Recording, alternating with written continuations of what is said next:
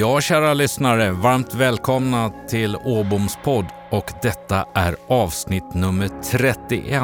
Kan ni tänka er, eller 31 kanske man ska säga. Ja, spännande att återigen få bjuda på ett intressant avsnitt med en intressant gäst som jag har bjudit in. Och eh, välkommen till dig då som eh, ny lyssnare. Välkommen till dig som har lyssnat tidigare. Och jag tänker på dig Tette som skrev när vi, du såg bilden på, på tårtan som jag fick här i studion på avsnitt 30, att du hade lyssnat på samtliga. Tette, jag tycker du ska fortsätta. Det är så kul. Eh, var rädd om dig och eh, fortsätt att lyssna. Det kommer fler avsnitt Tette. Med det sagt så eh, sitter det framför mig en gäst som jag inte har träffat tidigare. Vi har fått eh, några minuter innan. Vi har pratat på telefon, men nu sitter vi tillsammans här i den här härliga poddstudion. Det är en trevlig person. Positiv ser personen ut att vara. Avspänd. Eh, en person med en intressant bakgrund som ledare, men också skulle jag vilja säga ett specialistområde. Det ska min gäst få utveckla lite mer om. Ja, Dagens gäst är född i Västerås, vilket jag faktiskt har haft några tidigare också. Dagens gäst bor idag i Stockholm. Jag har lyckats att få fram att vi har, en, vi har utbildningar från Stockholms universitet, vi har utbildningar från IOM, vi har utbildningar från Bergs skola. Vi har en karriär som har varit partner på något som heter Mind Your Brand, varit med och grundat hållbarhetskommunikationsbyrån Futerra 2020 blev personen kanske än mer känd, nämligen som Årets hållbarhetschef i Sverige. Men sedan fem år tillbaka så är dagens gäst kommunikations och hållbarhetschef för Max Hamburgare, eller Max Burgers. Vi får se vad, vad det rätta namnet är sen. Ja, men det är en intressant, det är en imponerande yrkesresa. Det är en spännande, nischad också karriär kring hållbarhet. Så med det så säger jag jättevarmt välkommen till dig Kai Török och roligt att se dig live så här. Tack så mycket, fint att få vara här. Ja, det är spännande att träffa nya bekantskaper, jag höll säga, krypa in i poddstudion, vi, vi gick in i poddstudion eh, och få bara sätta oss ner kring något som berör, som vi gillar, nämligen ledarskap, kommunikation, drivkrafter och ansvaret som ledare, vilket mm. blir väldigt starkt kopplat till hållbarhet. Mm. Men Kai, för mina lyssnare och inte minst för mig själv utöver din yrkesresa, kan vi inte få inleda med några ord från dig? Vem är Kai? Um, jag um, kommer ju från Västerås som du sa och det har ju blivit mycket coolare sen uh, filmen eller tv-serien Game of Thrones kom. För då är det nämligen kontinenten Westeros som stavas lite grann som gamla Västerås. Eh, så att, eh, och jag kollar mycket på Game of Thrones. Jag tycker att det är spännande. Det är kanske inte det jag helst vill bli känd för på ett vis, men jag sitter ändå och pratar om det här.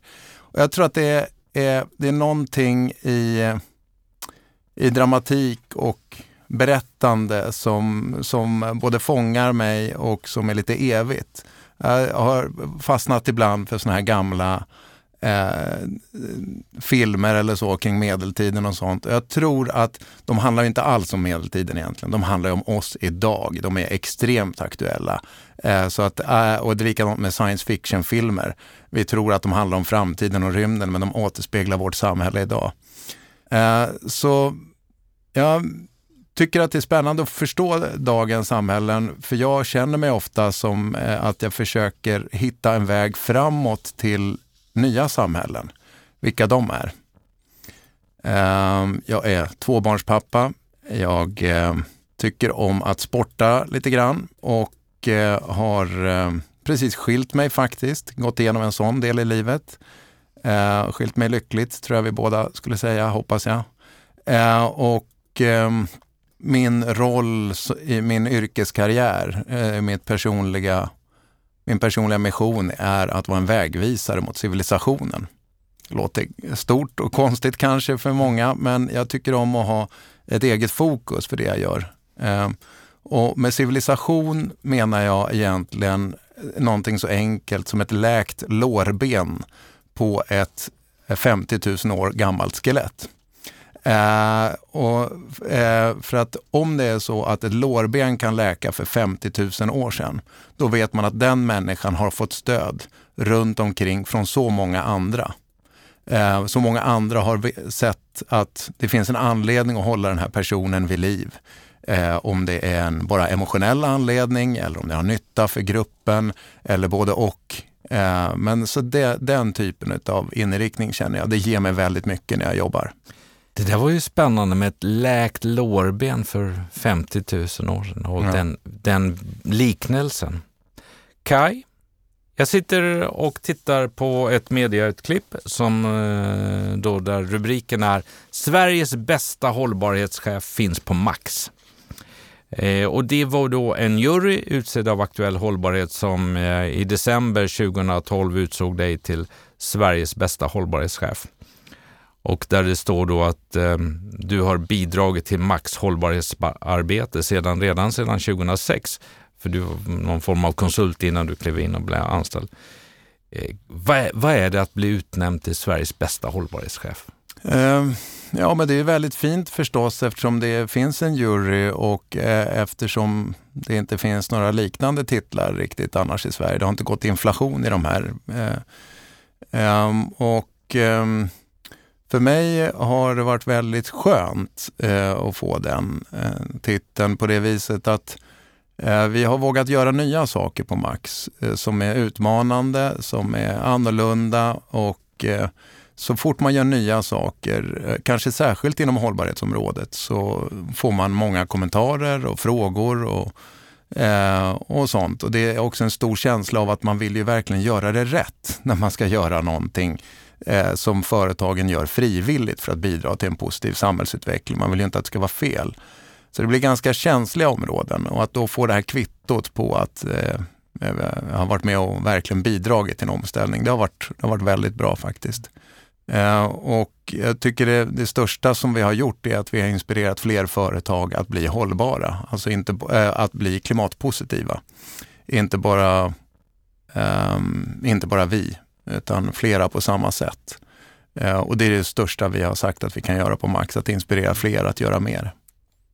Vi kommer komma tillbaka till det lite grann, men eh, ja, jag skulle tro att alla som eh, lyssnar vid dagens eh, podd vet vad Max är. Men eh, utöver då vi vet att vi kan stanna och handla eh, frukost, lunch eller middag eller mellanmål och så vidare. Max, berätta lite, hur ser det ut? Eh, vem äger det eller hur är den organiserad och vilka ja. länder opererar den? Kan du inte ge några Absolut. minuter om det? Så Max, eh, eh, Sveriges godaste börjare säger jag och då kanske ni tänker så här, gud alltså det är typiskt företag att vara så där skrytiga. Eh, men faktum är att vi har eh, vi har papper på det. Eh, vi frågar svenska folket varje år eh, var de godaste börjarna finns och vi hamnar på, ofta på över 50 procent som svarar just max utav alla de eh, börjarföretag som finns i Sverige. Så vi är, vi är enormt stolta och glada över att vi har ett sånt stort försprång. Eh, vi frågar inte bara om hamburgare, vi frågar om burgare. Vad är skillnaden? Vi var inne, du var inne på det här när du påannonserade. Heter det Max hamburgare eller Max burgers? Och det heter Max burgers faktiskt. Eh, vi ändrade det namnet 2017 av två anledningar. Eh, från Max hamburgerrestauranger, som det hette innan, innan dess, eh, sedan 1968, till Max Burgers. Och det eh, är både för att vi har blivit internationella, så nu idag finns vi i Sverige, Norge, Danmark, Polen och till och med Egypten. Okej. Okay. Och den andra anledningen är att vi har jobbat intensivt med klimatfrågan sedan 2008. Eh, och vi vet idag att det går att servera väldigt goda burgare som kan ha en låg klimatpåverkan. Det behöver alltså inte bestå av det klassiska nötköttet som har en hög klimatpåverkan. Och därför går vi från den klassiska hamburgaren i namnet till en burger. Okay. Hur många anställda är ni? 5 000 ungefär 5 000. Eh, och 160 restauranger kanske just nu. Vi bygger nya restauranger hela tiden och har en snabb expansionstakt, inte minst i Polen just nu. Eh, skulle gissa att om du intervjuar mig om tio år att vi är dubbelt så stora eller någonting sånt. Mm. Eh, eller 15 år, någonstans där. Omsätter? Tre och en halv miljard eh, före pandemin i varje fall. Mm. Jag har inte riktigt koll på vad sista siffrorna blev här. Nej, Men vi kan konstatera att vi nog fortfarande gör vinst trots Mm. pandemi. Eh, Men eh, våra gäster har änd- ändrat beteende. De eh, köper mer via appen. De häm- hämtar mer med bilen. Mm. De sitter inte lika mycket på restaurang. Men det är bra. Jag tycker det är fint ändå. Det har varit en organisation som har orkat möta allt det här. Och ägarna till det här företaget Yes. som du beskriver, det är inte ett börsnoterat eller som i mitt fall en kooperation med 1200 organisationer som äger Fonus och familjejurist, utan Nej. du har Det här startade 1968 ovanför polcirkeln i Gällivare av Kurt och Britta. Eh, Kurt var 19 år då. Eh, startade bredvid en Uno X-Mac. Okej, Eh, Uno X, Uno kryss, Uno. eh. ja. Så, ehm, och eh, idag så, ja, och idag är Kurt arbetande styrelseordförande. Britta jobbar också med projekt internt och det är deras två söner, Rickard eh, som är VD och Kristoffer som är vice VD och Kristoffer är min närmaste chef. Och eh, vi, som sagt, det, det, det är de som äger Max, som driver Max och det är spännande och speciellt att vara ett familjeföretag. Eh, en av sakerna som jag tycker har varit väldigt spännande med Max, det är hur mycket ägarfamiljen vågar ta beslut med magen. Eh, och inte bara sådär eh, att de är hungriga. Eh, utan, utan att man eh, vågar säga, jag vet inte exakt hur det här ligger till, men jag tycker att det här känns rätt, vi kör på det. Eh, och det tycker jag ligger nära ledarskap faktiskt. Att, eh, att våga ge sig eh, hän åt det man faktiskt tror på eh, istället för det som eh, man gissar att andra förväntar sig av en. Jag har varit vd i två familjebolag. Mm. Nu tänkte jag fråga dig då. Eh, jag ska inte fråga så här, går det bra eller inte? För det finns ju risk att kanske de lyssnar när du går ut med att du har varit gäst här. Eh, då är svaret givet. Men, men i- vi kan väl prata egentligen om ditt mandat. Ja. För jag menar, det, när man tittar på det här så, så ser man ju, och vi, du ska få berätta lite, för det är ju ett omställningsarbete som Mm. ni gör, inte minst kopplat då till hållbarhet, för det, Mm. och en, som en del av affären och affärsidén. Så att säga.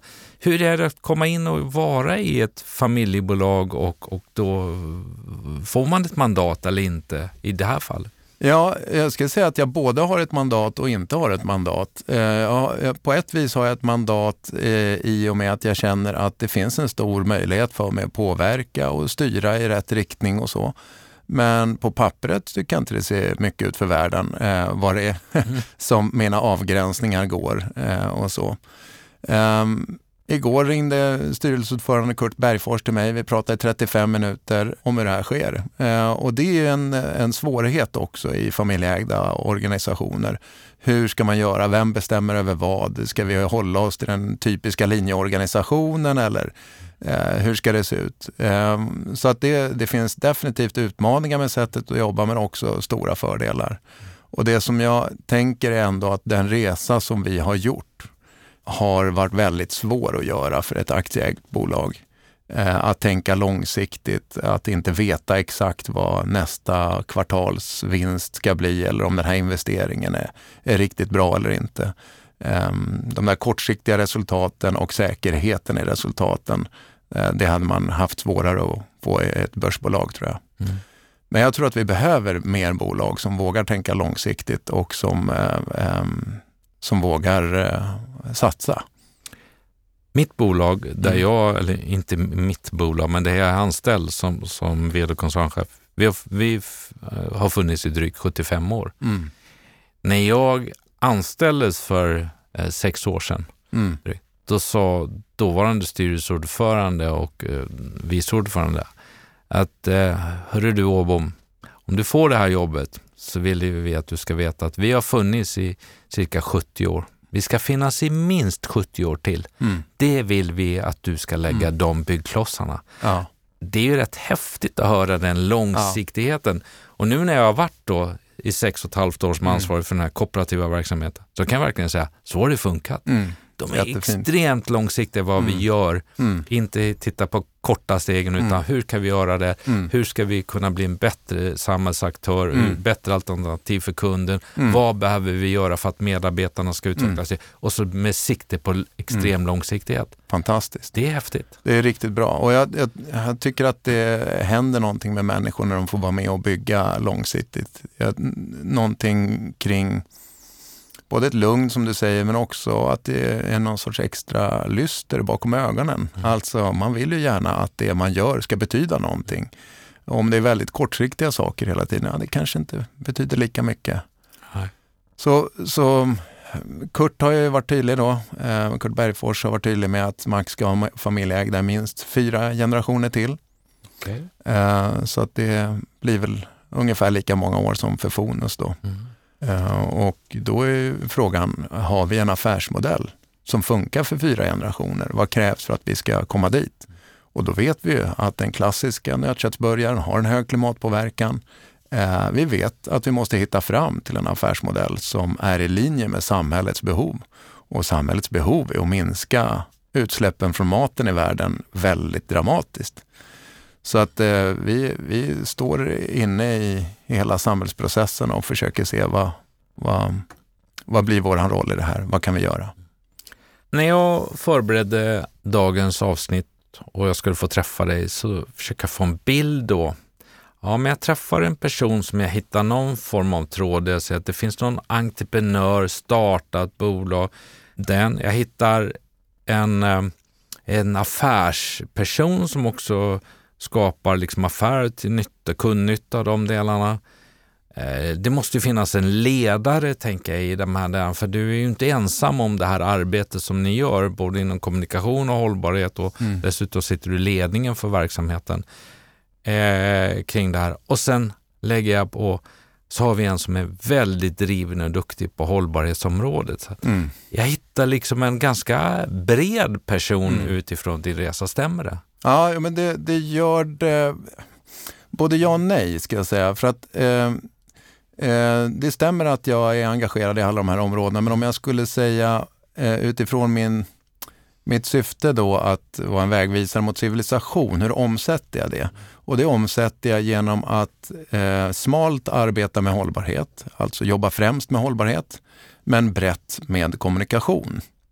Eh, så, eh, så utifrån det kan jag jobba brett i det området. Men det är ändå hållbarhet som är mitt fokus och det som jag har bestämt mig för att det här vill jag verkligen vara med och bidra, eh, utveckla, bli duktig på och se till att det kan ske.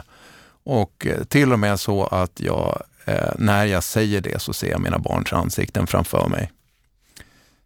Så jag, när, jag, när jag tänker på de sakerna så tänker jag just på, på Joar och Vidar, mina barn. Mm. Eh, och eh, liksom, ja, om jag är 80 år på 80 års födelsedag, liksom, ja. hur jag vill jag att det ska vara. Mm. Ja, men då vill jag nog kunna sitta där och säga att ja, men jag, var med och, jag var med och försökte. Du var med och skapade det här och ja, ja, ja, ja och, och, som är inom det här. Ja, mm. både ja. inom hållbarhet generellt sett men också liksom att jag var med och försökte, inte minst i klimatfrågan, men det finns många andra hållbarhetsfrågor också. Mm. Men bara att jag försökte vara del i den här utvecklingen som är åt rätt håll.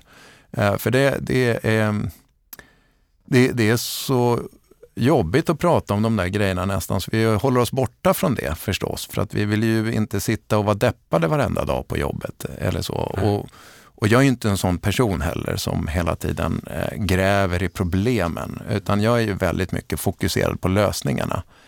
Men det är ju problemen som ger lösningarna mm. eh, lyskraft.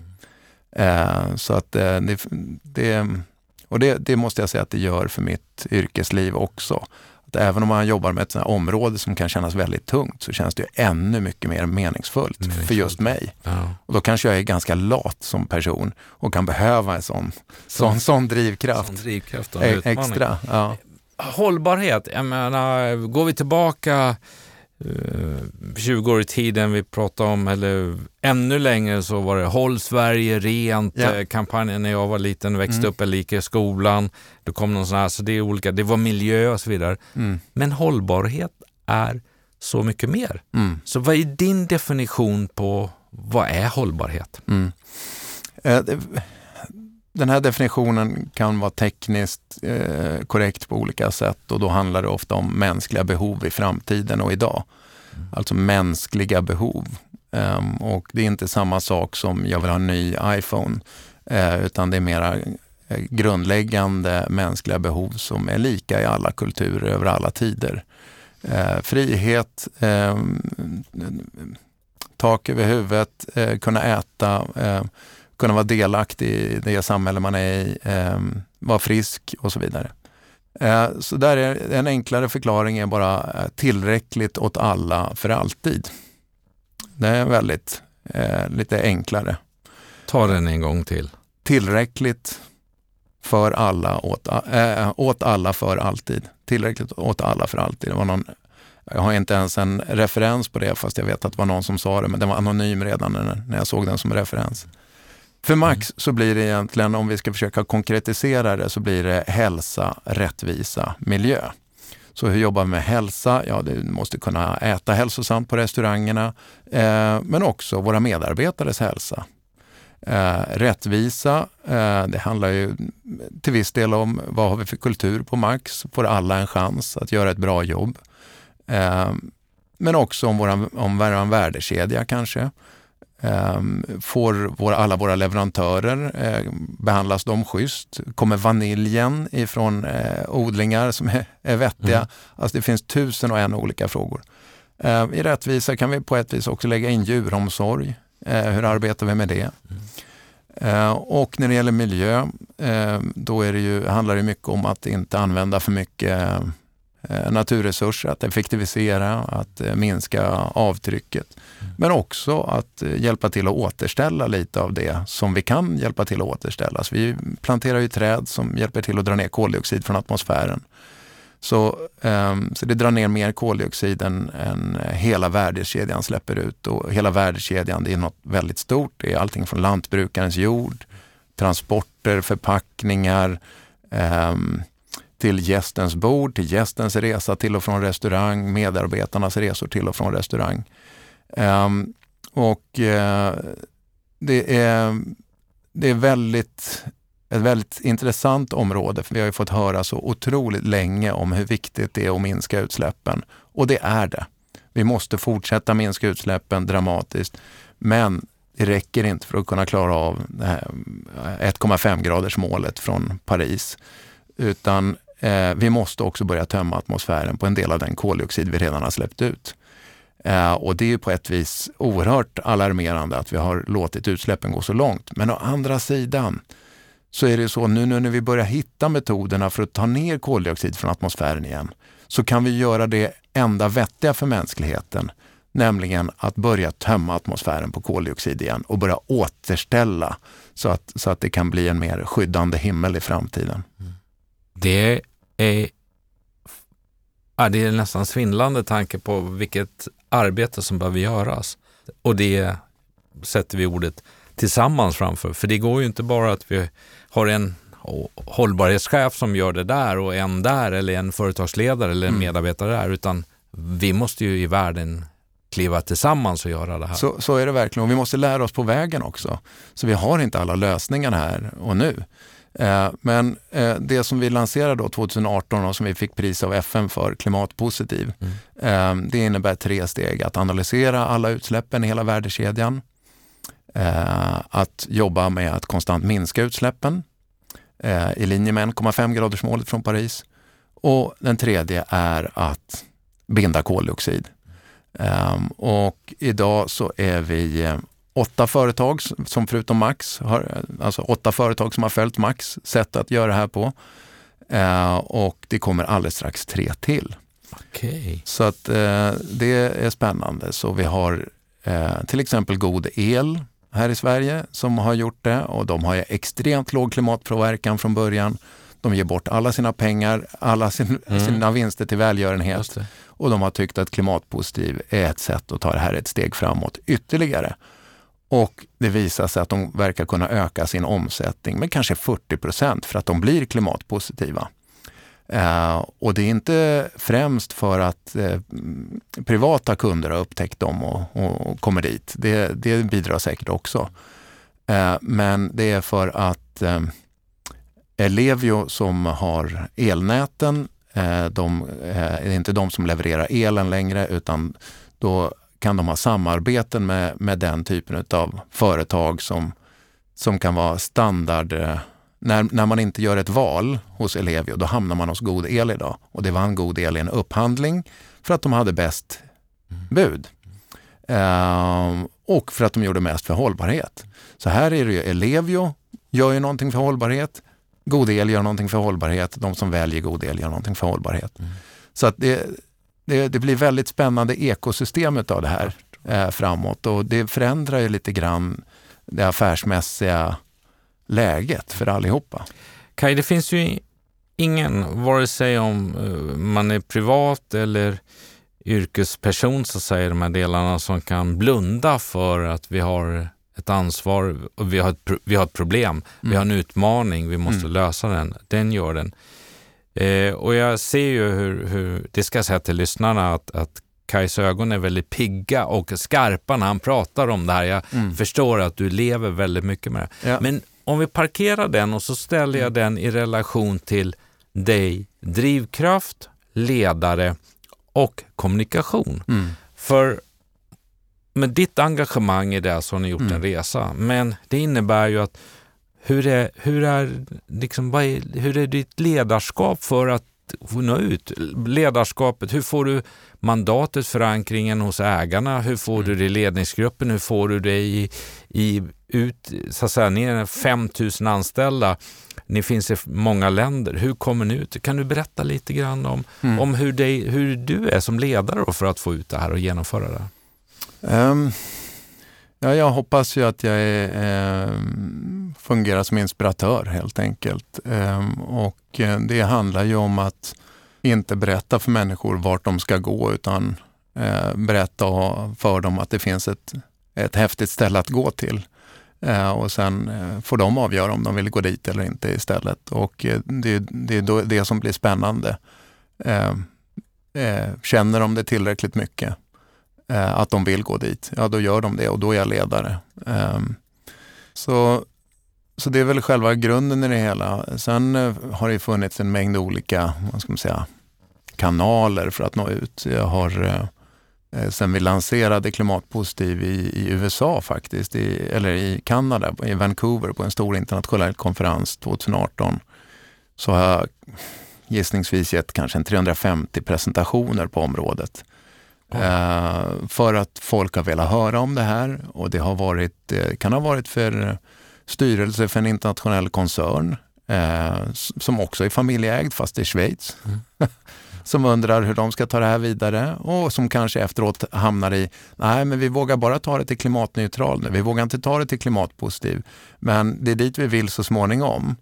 Eh, men då har vi också visat ledarskap genom att vi har höjt ribban. Så att det som förut såg som extremt eh, mycket borta vid horisonten, klimatneutral, upplevs nu som lite mer safe och det man borde göra. För att om det finns företag som blir klimatpositiva nu, då ska vi, vi ändå bli klimatneutrala. Så att det finns en mängd olika delar i det här. Eh, när det gäller medarbetarna eh, och så hoppas jag väl att det är likadant, men där blir det också mycket hårt arbete.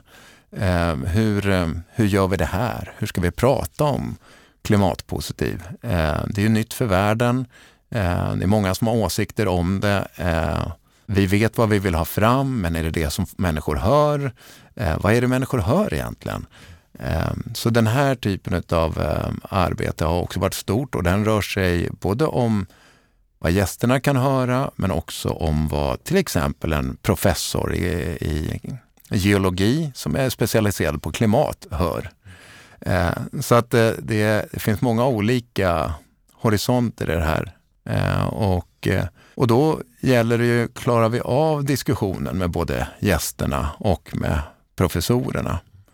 Eh, så det, det är ganska högt ställda krav vad, på det här. Vad är utmaningen då? Om du säger gästerna, ja. professorerna, mm. medarbetarna. Mm. Så um, vi börjar med professorerna först, ehm, så eh, är det ju så att de är ju experter då kanske på klimatfrågan, men inte på kommunikation. Eh, och om de hör ett begrepp som klimatpositiv till exempel, då behöver de relatera det till sin kunskap. Eh, och då handlar ju den kunskapen om geologi och kanske inte om internationella standarder och sånt som vi följer. Och då har ju de säkert någonting vettigt att säga. Till exempel i den här standarden, nu blir jag teknisk då, men mm eh, i den här standarden så tar ni inte med, ni skiljer inte så mycket på grönt kol och svart kol. Grönt kol, det kommer från växter, eh, svart kol, det kommer från fossila, sånt som har legat under ytan. Och då man säger, nej det vore ju bra att göra det förstås. Eh, men de internationella standarderna kan inte riktigt räkna på det och det är de vi följer. Eh, så det, ditt argument behöver inte vara dåligt, men vi håller oss till de internationella standarderna och du får jättegärna förändra dem om du vill. Mm. och att försöka ha en sån dialog. Eh, när det gäller gästerna så vet vi att de, här, de uppfattar det på ett väldigt positivt sätt från, och gillar det. Men vi har ju en väldigt stor mängd med gäster och om jag tar en gäst som kanske tänker att eh, det är nog inte företagen som ska hjälpa till att rädda världen. Kapitalismen är inte så bra, utan det är politikerna som ska göra det. Då kan de bli lite upprörda över att vi ska minsann kliva in och, och fixa klimatet. Eh, de vill egentligen att det ska vara en annan lösning. Det, är faktiskt, det, det kan man bli förvånad över, men, men då får vi den typen av, av respons som att eh, företag eh, ska inte eh, blir inte trovärdiga när de gör det här, för de ska bara tjäna pengar. Mm. Eh, och då handlar det om tanken om att alla som jobbar på företag är på något vis eh, bara pengahungriga mm. och allt annat är oviktigt. Och det vet vi som jobbar på företag att det, så funkar inte vi och våra kollegor. Eh, en annan gäst kanske är så att den eh, den snarare tänker att eh, jag tycker att det är läskigt med de här stora globala sakerna. Eh, jag vill eh, kanske att vi i Sverige stänger våra gränser och värnar om det svenska. Ehm, och eh, om klimatfrågan finns, då måste vi öppna gränserna. Jag tror inte att klimatfrågan finns ens. Så att Max håller på då med klimatfrågan, det är någon sorts PR-jippo bara, för den finns ju inte. Eh, men det är ju ett sätt för dem att tjäna pengar på. Eh, så, så, och då har vi den ena som kanske är långt åt vänster, den andra långt åt höger. Vad gör vi som är i mitten och försöker skapa förändring? Eh, och då måste vi vara en modig mitt eh, och hitta fram det här. Men det vi ser i, i våra, som säga, våra undersökningar är att våra gäster tycker jättemycket om det här. Vi ser det likadant med, med medarbetarna också, att de också tycker om det här. Eh, men att nå medarbetarna, eh, jag menar, det är klart att de känner till att vi jobbar med hållbarhet och så. Men hur mycket, hur mycket ska egentligen en, en 17-årig eh, gymnasieperson eh, veta som jobbar extra på helgerna eh, om detaljerna i vårt klimatarbete? Eh, det, det, går ju all, det tar ju aldrig slut med kommunikation. Man blir liksom aldrig klar. Mm. så, eh, men eh, så i alla de här områdena kan vi bli bättre, det vet vi. men vi vet också att i alla områdena så har, vi liksom, har det också funkat bra. Jag måste ställa en fråga kring drivkrafter. Vad är det som driver dig då? Mm. Du sitter i ledningen för ett 3,5 miljarders mm. bolag. Som naturligtvis äh, ägarna vill ha avkastning, mm. det ska växa, man har en mm. vision om att det ska vara fyra generationer till minst mm. i familjen på mm. något sätt. Äh, men vad är dina drivkrafter mm. då? För du, man ser ju att du, mm. du, du har ju verkligen anammat och brinner för ja. hållbarhetsarbetet. Och så, ja. Men vad är det som gör när du går till, om, man, om man ska ja. ge tips till, eller förstå dig, om vi ska ge tips till lyssnarna utifrån vad är det som gör att du hoppar ur sängen varje morgon och ja. går till Max för att göra det här jobbet? Vad har du för drivkrafter? Ja, men det, då, då, då ska jag bli, eh, inte teknisk kanske, men eh, prata om någonting nytt som inte så många kanske känner till. Eh, och eh, det finns någonting, det finns olika sätt att beskriva grundläggande mänskliga behov på. Men Desiree Rova som var student uppe i Umeå för något tiotal år sedan, Eh, hon har skapat företaget som heter My Needs idag ehm, och eh, de tittar just på grundläggande mänskliga psykologiska behov. Eh, och jag tycker de här har varit bra. De, de ligger nära Maslows behovspyramid eller olika sätt som jag har sett att man jobbar med, med målgruppsanalyser. Ehm, Så vad är det egentligen som människor går igång på? Vad motiverar människor? Hon kom fram till sex stycken delar. Ehm, trygghet, eh, variation, eh, signifikans, alltså att vara lite viktig. Ehm, eh, samhörighet, att bidra och utveckling. Och de här kan man ju hålla på att arbeta med på olika sätt. Eh, Tony Robbins, den stora amerikanska självhjälpsguren, han har faktiskt plockat upp just de här stycken sex behoven från Desiree Rova. Så det är lite häftigt att de får fötter. Trygghet, variation, Ja, sen var det ett finare ord. eh, signifikans. Signifikans, samhörighet, Ja, att bidra och utveckling. ja. Och då eh, när jag testar mig i det här så hamnar att bidra högst upp för mig och utveckling hamnar näst högst upp.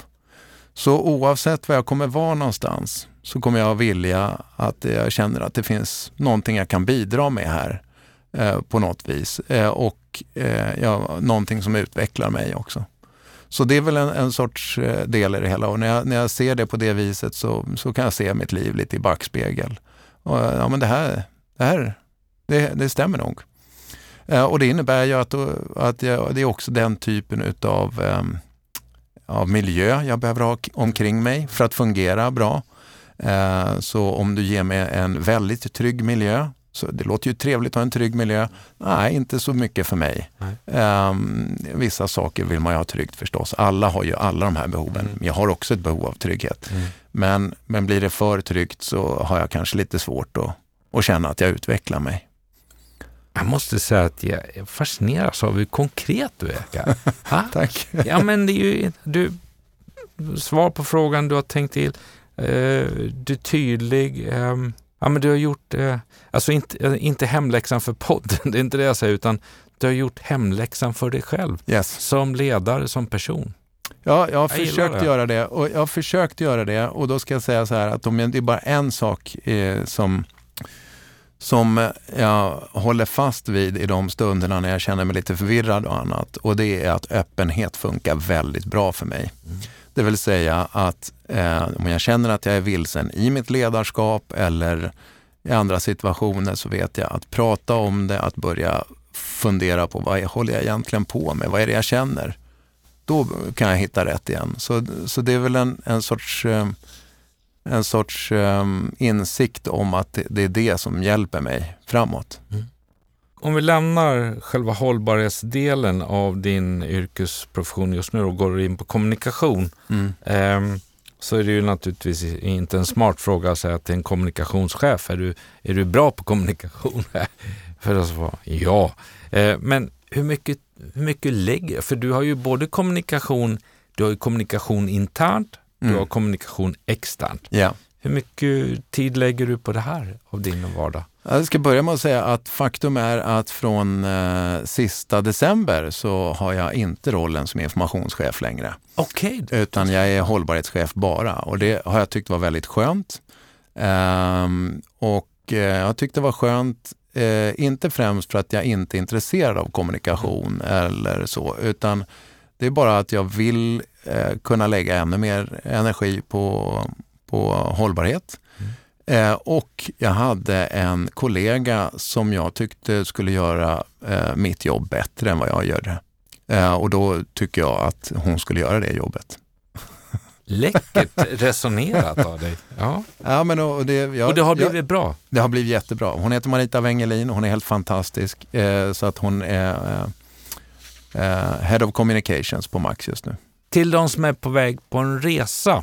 Mm. Eh, en del av lyssnarna är ju då på väg på en resa, kanske lite yngre, men olika steg. Med din erfarenhet, har du något konkret tips de ska ta med sig som, eh, ja, vi, vi, säger en ung ledare nu. Mm. Nu är du här, vi är 2021, Mm. du ska ta nya steg. Vad behöver du tänka på? Mm.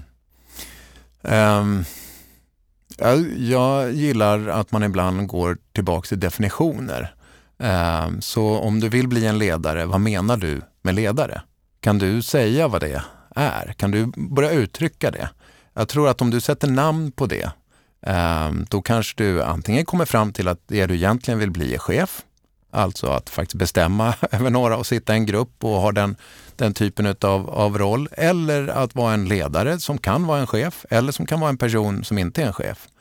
Eh, men, eh, men ledare, för mig, min definition av ledare, och folk får ha olika definitioner, men min definition är att inspirera till förtroende på ett sätt som genererar resultat. Så förtroendet kommer först eh, och sen blir det resultat. Och jag är utbildad förtroendecoach faktiskt, stack till USA 2007 och höll på med det här. Och det hade kommit en bok 2006 som heter Speed of Trust som jag tyckte var väldigt bra, som var skriven av, av uh, Stephen M.R. Covey, uh, sonen till Stephen R. Covey. Uh, om jag kommer ihåg rätt ord, rätt bokstav där. Um, Stephen R. Covey han skrev Seven Habits of Highly Successful People. Mm. Och det är världens mest köpta managementbok, i varje fall var den det för fem år sedan eller tio år sedan. Men hans son Stephen Covey som har samma eh, för och efternamn då, eh, han skrev Speed of Trust eh, och det handlar mycket om hur vi kan inspirera till förtroende och det handlar om förtroende för en själv. Har jag, kan jag lita på mig själv? Tycker jag om mig själv? Eh, förtroende i relationer, förtroende i organisationer, förtroende på marknader, förtroende i samhället. Hur som helst, jag hade gått den där utbildningen, kom hit till Sverige eh, och eh, tog definitionen av förtroende därifrån att skapa resultat på ett sätt som inspirerar till förtroende. Och så hade jag det på en presentation och då eh, sa Johan, som var VD på Salt och Kvarn på den tiden, jag kommer strax ihåg hans namn kanske, mm. så sa han, ja, men jag tycker det där är fel. Jag tycker att det är bättre att säga först så inspirerar vi till förtroende och sen skapar det resultat. Och det är därför jag säger det nu också. Jag håller helt med. Förtroende kommer ofta först och det är det som genererar resultat. Så att om vi inte kan lita på människor, oj oj oj vad mycket kontrollsystem och annat vi kommer behöva lägga upp och strategier för att klara av de här otryggheterna. Men kan vi lita på människor då sker det en helt, helt annan utveckling. Mm. Folk tar egna initiativ, eh, de använder sitt goda omdöme istället för att vad de tror jag vill att de ska leverera. Eh, då kliver man in som människa på ett helt annat sätt. Mm. När du går hem på fredagen, mm. vad är det som har, eller vad är det som gör de fredagarna du känner går hem med ett leende? Eh, vad är det som har skapat den veckan hos dig då, Kaj? Det är lite olika. En är nog bara skönt att det är över, om jag ska vara ärlig. Skönt, för nu har man fått eh, jobba och kanske till viss del jobba häcken av sig måndag till fredag och nu är det så fint att liksom få träffa familj och ta det lite lugnt och sådär. Men ofta är det ändå kring konkreta saker som vi har avslutat eller som vi har tagit igenom. Så att eh, kanske är det att vi har fått iväg nästa års hållbarhetsrapport eller, eller eh, våga sätta ett mål eh, som vi inte hade innan. Eller eh, det där mötet som man hade på en konferens eh, där man kanske insåg att man hade fel och man fattade det Mm. och jag blev lite smartare. Ja, det kan vara många olika grejer.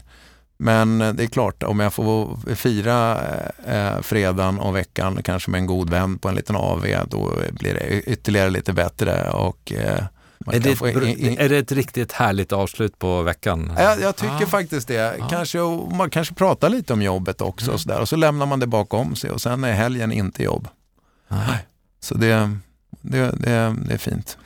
Energi mm. behövs ju ja. för att eh, vakna på morgonen. Mm. Eh, Lennart Kjell som var här som eh, var gäst innan mm.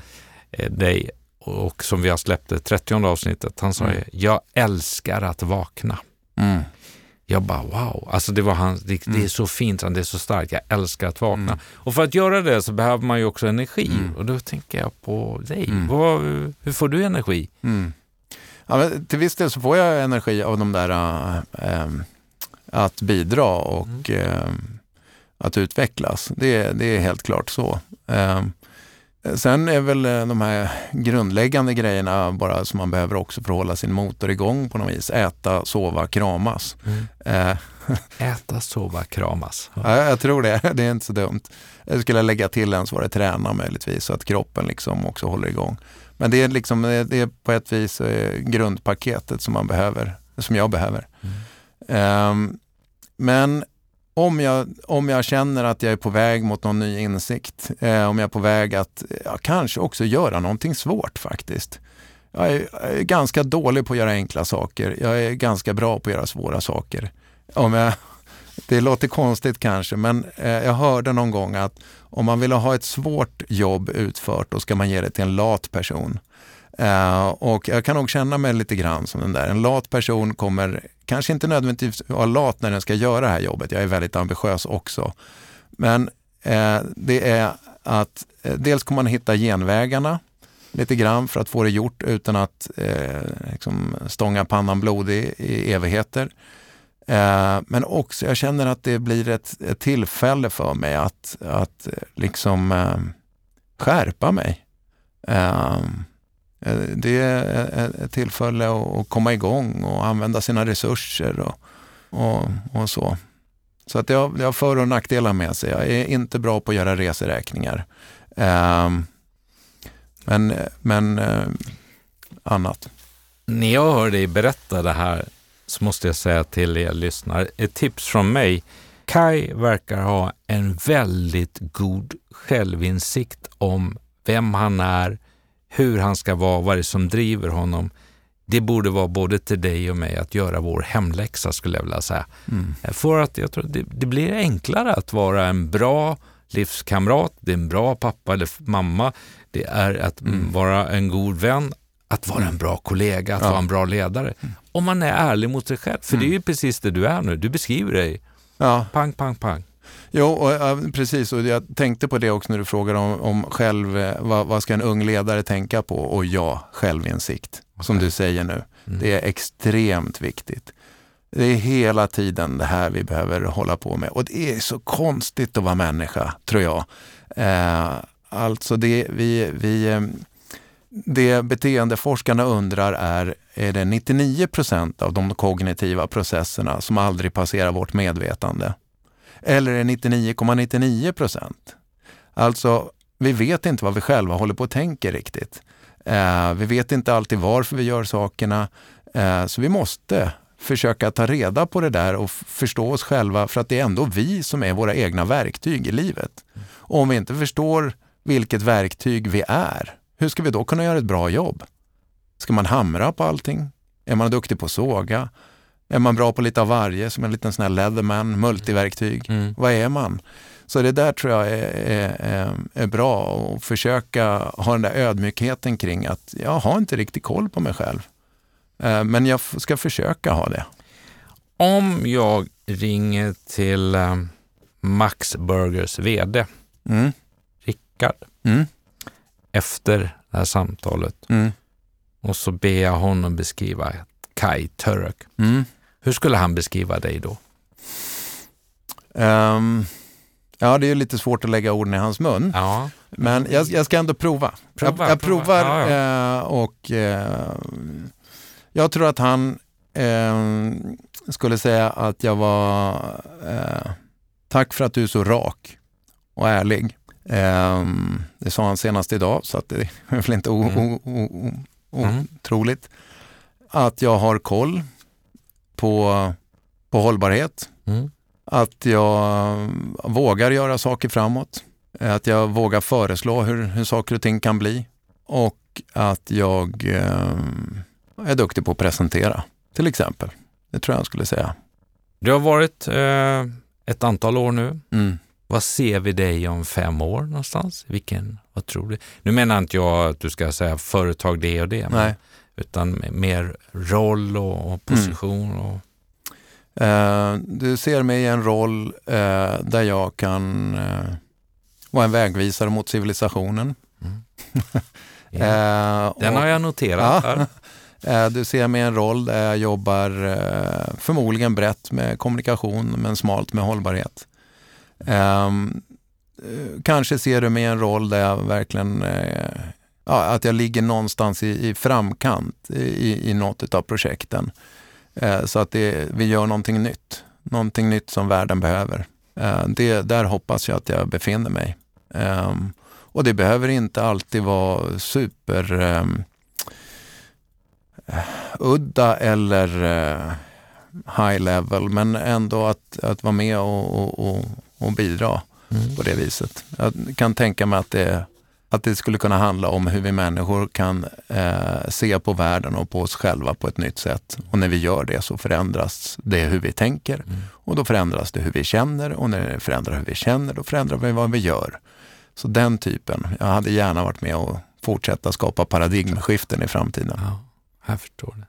Den här podden, Åboms podd, handlar ju om eh, ledarskap, kommunikation, drivkrafter och, det vi gör. Och förmånen nu då att ha så intressanta gäster, det du är en av dem Kaj. Eh, jag ställer inte frågor om favoritresemål och så vidare. Men jag, jag förbereder mig ändå ja. genom att mm. kolla lite grann. Mm. Och jag, jag, måste ändå säga, du har ju berättat lite om det, så men jag hittade ett uttryck på, på, det är ju fantastisk hjälp när man har nätet och kan ja. kolla. Aj, aj, aj. Vad kommer nu? Mr Nice Guy på dykarbaren. Vad är det? jag måste få med den för att vara lite Absolut. så här personlig. Självklart. Ja. Ja, men, eh, så att när jag pluggade på universitetet på 90, eh, eh, början på 90-talet så jobbade jag i Sandhamn på somrarna på dykarbaren och då var jag dörrvakt. Okay. Och eh, då var det så att jag hade på mig en virkad tröja och eh, var nog ganska snäll. eller det jag fick folk tyckte, de flesta tyckte nog att jag var mer inkastare än utkastare. Om man säger. Och det, det är spännande, det var en spännande tid. För att jag hade ändå en fråga till mig själv i, i det jobbet. Det var, kan en person med makt vara schysst? och, eh, och, så då jobbade jag där ett antal somrar som dörrvakt och eh, kände efteråt att jag, jag tycker jag fattar hur det går till. Det kan man absolut vara. Eh, nu låter det lite självförhärligande, men det, det, var, det var den utmaningen jag hade till mig själv. Och det lustiga som hände sen var ju att jag inte ville göra det där jobbet sen längre. För då hade jag liksom på något vis svarat på den frågan. Då hade jag växt lite grann. Eh, och jag tror att jag hade den frågan med mig lite grann för att eh, min typ av person, personlighet är lite agreeable, som det skulle heta. Lite, ja, man är ganska trevlig och sådär. När var du där sa du?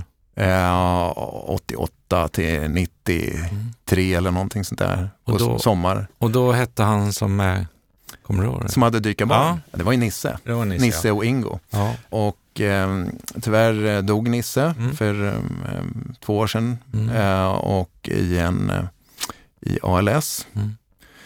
Eh, men det var en fantastisk tid och en stor eloge till Nisse och Ingo som samlade väldigt spännande personer på det här stället. Mm. Eh, och har kontakt med en hel del av dem idag också. Dykarbaren och Bustamon? Ja, just det. Just det. Men det var efteråt. Det var efteråt. Så, så då köpte, eh, nu ska vi se om du kommer ihåg namnet på eh, Charlotte. Charlotte ja. och hennes syster. Eh, och båda heter Florin i efternamn. Ja, Jeanette. Jeanette, ja. Eh, och, eh, jo, så de eh, köpte loss dykarbaren, men mm. det var efter min tid. Det var efter din tid. Så att, eh, jag var där när det verkligen var superfärskt. De har jag, jag var ju vd på Martin Olsson. Ah, ja, just det. Så att, eh, och vi, så att jag, jag har, har träffat dem och de har varit med på, på någon resa och så vidare. Så att, ah, ja. jo, jag känner väl till. Det var därför jag också direkt bara, kan det vara samma ja. dykarbarn? Ja, men det är så. Ja, ja, det ser du. Men där är ju något som du har burit med dig. Ja. Och, och, bara en sån. Eh, kan en person med makt vara schysst? Mm. Ja, men det handlar ju om värderingar. Jajamän. Eller hur? Absolut. Och det gör det. Och, och, um, och det ja. blir min övergång mm. bara för lite om värderingar också. Mm. Hur värderingsstyrd skulle du säga att du är? Som, som eh, både privat och yrkesperson? Alltså, lite grann eh, nu har jag jobbat så himla mycket med målgrupper. Mm. Så att då börjar jag lätt bli lite så teknisk. Okej, okay, på vilket sätt ska vi definiera värderingar ja, just nu?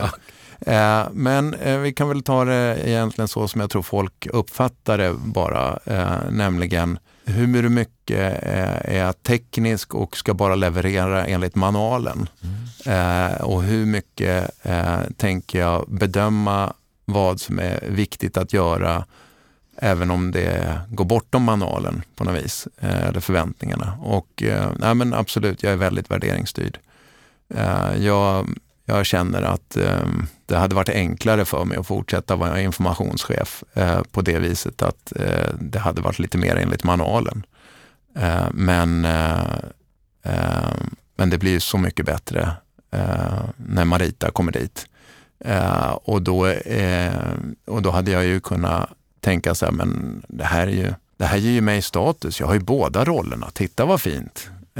men där vill jag liksom vara ödmjuk och slå hål på mig själv och också kan man säga va, va, att du... Var med, ja. var med och bidra med. till det positiva samhället. Så att jag skulle vilja, hade jag varit Marita och hade känt så här, ja, vissa delar kan jag bättre, eh, min chefs jobb, än vad min chef kan. Inte alla delar, men vissa delar. Ja men vad sjuttsingen, då hade man väl varit glad om den chefen hade sagt, jag tycker du ska göra det. Moget, ja. ödmjukt. Och jag får en bild av dig Kaj, att du med din resa, du, du står verkligen med båda fötterna på jorden i det här. Uh, är tydlig och ärlig. Tack. Ja, men det är min känsla av, av vårt samtal är, är kring det här. Hur du tänker, hur du berättar. Det inspirerar mm. mig. Och det gör ju att vi alla eh, jag som eh, får förmånen att bjuda in intressanta gäster, i det här fallet Kai, men till dig som lyssnar verkligen så här, ja, det är nyttigt att vi stannar upp och reflekterar och tar in och ser vad vi kan utveckla och vad vi själva framförallt också skapar som ledare eller medarbetare till övriga kollegor in, mm. i en verksamhet kring det. Ja, ja. Nu är inte jag så eh, mycket i hållbarhet och hippie och sådär att jag tänker att det alltid är så här, what goes around comes around. Mm. Att det du gör mot andra gör du mot dig själv också. Eh, inte, jag tänker inte liksom att det är någon sorts karma som har med någon religion eller någonting annat att göra. Men däremot så ser jag det faktiskt att, att det är så att om jag behandlar andra bra så mår jag bra. Eh, behandlar jag andra dåligt, mm, det, det gör ont någonstans i en själv. Mm. Eh, så att jag tror att den där eh, kopplingen där som man kan göra till att vilja bidra till andra och så har ju en väldigt enkel eh, egoistisk komponent i sig också. Att, att man mår bra av det helt enkelt. Hållbarhet. När jag föddes mitten på 60-talet och som växte upp då 70-talet kontra det vi vet och hör idag. Mm. Sättet som vi får ta del av eh, kommunikation naturligtvis. Det finns andra kommunikationskanaler idag. Mm. Eh, jag nämnde tidigare, jag kommer ihåg de här påsarna man fick på skolan, Håll Sverige rent, vi skulle mm. gå ut och rensa diken och sådär. Ja. Eh, så är det ju så annorlunda idag på det sättet. Mm. Eh, jag kan också, alltså, själv då, jag har ju två vuxna barn så att säga som har passerat 20-strecket uppåt. Och det är klart, men de har ju också sett till att påverka mig och min fru i, mm. i liksom vad vi borde äta oftare, vi borde handla hem eller mm. eh, ja, sortera. Så, du vet, allt mm. det här. Det, det är liksom helt mm. plötsligt det fanns ju inte när jag växte upp ja, kring det. Mm. Men med det sagt så har jorden funnits väldigt länge. Mm. Eh, nu pratar vi bara om några år här mm. före 2000 och sen nu mm. efter 2000. Kan du svara på frågan, har vi vaknat för sent eller kan vi tillsammans lösa det här? Det, hållbarhet är många frågor. Om jag bara plockar klimatfrågan då och svarar mm. på den, um, så Definitivt är svaret ja. Vi kan fixa det här. Vi kan fixa det eh, inom rimliga kostnader eh, med befintlig eller nästan befintlig teknik. Eh, men vi kan inte fixa det utan ledarskap. Det finns ingen chans att vi kan fixa det här utan ledarskap. Eh, så ehm, vi har vaknat upp i elfte timmen och eh, frågan är vad vi gör nu. Jag kan ändå inte låta bli att tänka att kanske kan det bli så med klimatförändringarna att det hjälper mänskligheten att ta ett steg vidare. Att vi blir lite bättre. En del av de sakerna som vi gjorde fel från början kan vi kanske hjälpa till att rätt, rätta till med det här. Så att eh, ehm, varför skulle man ha, varför skulle man tycka att det är självklart att man ska ha en explosiv eh, mängd med ämnen i sin bil som kan explodera om man krockar eh, med bensin. Eh, tänk om framtidens bil är utan dem. Mm. Varför ska vi eh, tycka att det är okej att man på en bensinmack kan få i sig liksom cancerogena ämnen? Ja men i framtiden, du tankar, du får inte i dig någonting sånt. Så det, det är många sådana här saker som jag tror att samhället faktiskt kan bli bättre i alla kategorier av det här. Och sen som du säger, hållbarhet är ju inte bara miljö. Nej. I morse hade jag ett eh, morgonmöte med min eh, personalchef Camilla och vi hade lite frågor. Så kom vi också in på liksom, vad är hållbarheten mm. egentligen? Mm. Och vi börjar prata om jämställdhet, vi mm. börjar prata om mångfald, ja. beteende. Alltså det finns så mycket och det är bara mm kom igen nu, vi måste sätta ja. fart på de här riktigt, det är helt klart. Och då skulle jag säga till unga ledare, om man skulle ta den frågan där igen, eh, hur, ska du förhålla dig till det här då? Ehm, ingen kan göra allt, alla kan göra något. Vad kan just din grej vara? Mm. Så, och tänk om den grejen som du gör inom hållbarhet faktiskt är lite, att du gör den med lite stolthet och eh, nivå. Mm. Eh, att du gör den på ett bra sätt. Då kommer du inspirera andra kring just det. Så att, eh, men att, att orka göra allt inom hållbarhet hela tiden, det, det funkar inte. Det funkar inte. Nej. Väldigt bra. Kai, tiden rullar på. Yes. Samtalet har varit energirikt och jag, eh, jag har lite så här, vad säger man, gåshud utifrån hur du har tänkt och hur du berättar. Jag måste säga, jag åker här från poddstudion när vi har sagt tack och hej med en väldigt skön energi och också tagit till mig, vad kan jag bidra med? Jag kan inte göra allt, men jag kan ju bidra med någonting. Yes. Um, jag har fått förmånen idag att uh, träffa Kai Török som är född i Västerås, pratar om dagens samhälle men också morgondagens samhälle. Vägvisare mot civilisation och gav oss bilden av ett läkt lårben sedan 50 000, om det kan, 50 000 år. Om det kan läka, vad kan vi inte göra nu? Men när vi lever i dagens samhälle. Eh, förmånen att sitta ner och prata hållbarhet. Vi har fått reda på att Kaj också då nominerats, eller blivit ska jag säga, inte bara nominerad utan blev också Sveriges bästa hållbarhetschef. Magen och ledarskapet hänger ihop. Den ska vi ta med oss också. Väldigt starkt, alltså magkänslan kopplat till ledarskap. Jobbar i en familjeägd stor koncern där visionen från ägarna är bland annat att det ska vara fyra generationer till som ska kunna driva och utveckla den här verksamheten. Kai är smal inom hållbarhet, vilket innebär att det är spetsigt, men bredare inom kommunikationen och Kai brinner verkligen för hållbarhetsområdet. Hållbarhet, när vi pratar om definitionen av den, så sa Kai mänskliga behov idag och imorgon och att det är tillräckligt åt alla för alltid. Vi ser att eh, som ledare så pratar han mycket om att vara en inspiratör. Att för dig som jobbar med Kai också då få bilden av att det här är ett häftigt ställe att gå till. Vill du gå till dit, det är ditt val. Vem ska fixa klimatet pratade vi om Kai. Eh, vilken roll har eh, politiker, vilken roll har samhället, företagen och så vidare. Och viktigt att vi samverkar. Sen kom vi in på det här drivkrafter och det mänskliga behovet där du definierade sex stycken olika. Och för dig så var det mänskliga behovet och din drivkraft är då ett, att bidra, två, att, ut, att utveckla. Ja, spännande. Eh, en person som verkligen säger att han inte är lat, men, men det finns en tendens, men går igång på när man får göra svåra saker, då blir man inte lat och det är en utmaning och det triggas igång. Och att skapa något nytt, att ligga i framkant, det ligger i visionen när vi tittar framåt. Min, min vad ska man säga, omdöme, nej fel ord av mig, men det jag känner och som jag sa tidigare, det är att jag har mött en person som verkligen har gjort sin hemläxa. Det triggar mig och inspirerar mig att vara mer transparent mot mig själv och vara ärliga. Och då pratar vi om självinsikten och det var ett tydligt råd till oss ledare och inte minst unga ledare.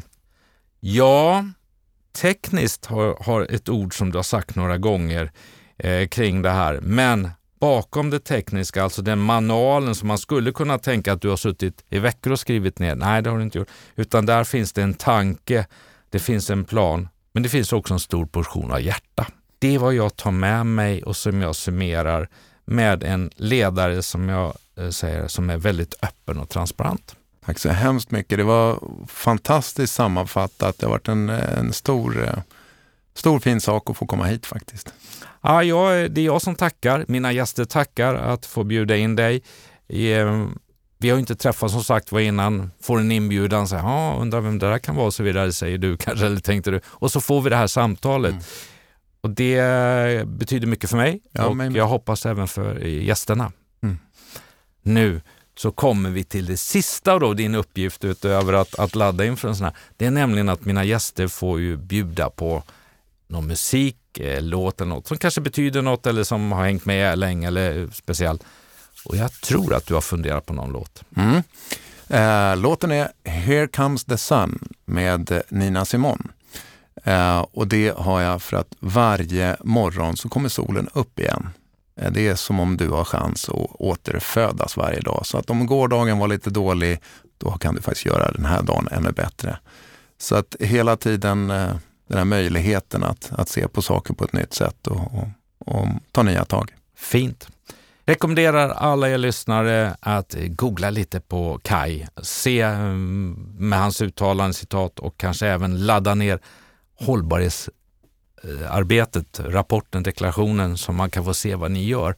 Och följ den vidare skulle jag vilja säga. Det finns lite videopresentationer också om man, eh, om man har lätt att somna av en hållbarhetsrapport. Så kan man kolla på dem istället. Passar. Tack snälla och eh, återigen stort tack för att du tackade ja, kom hit och jag önskar dig allt gott och lycka till med missionen framåt. Stort tack. Stort tack. tack. tack. Here comes the sun, little darling. Here comes the sun. I say it's alright. It's alright. Here comes the sun, little darling. Here comes the sun. I say it's alright. It's alright.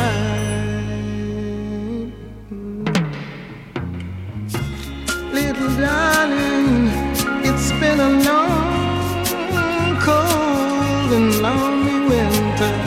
Little since you've been here. Here comes the sun, little darling. Here comes the sun. I say it's alright. Ah, it's alright. Little darling, the smiles will return to the faces now. Little darling, it seems like years since you've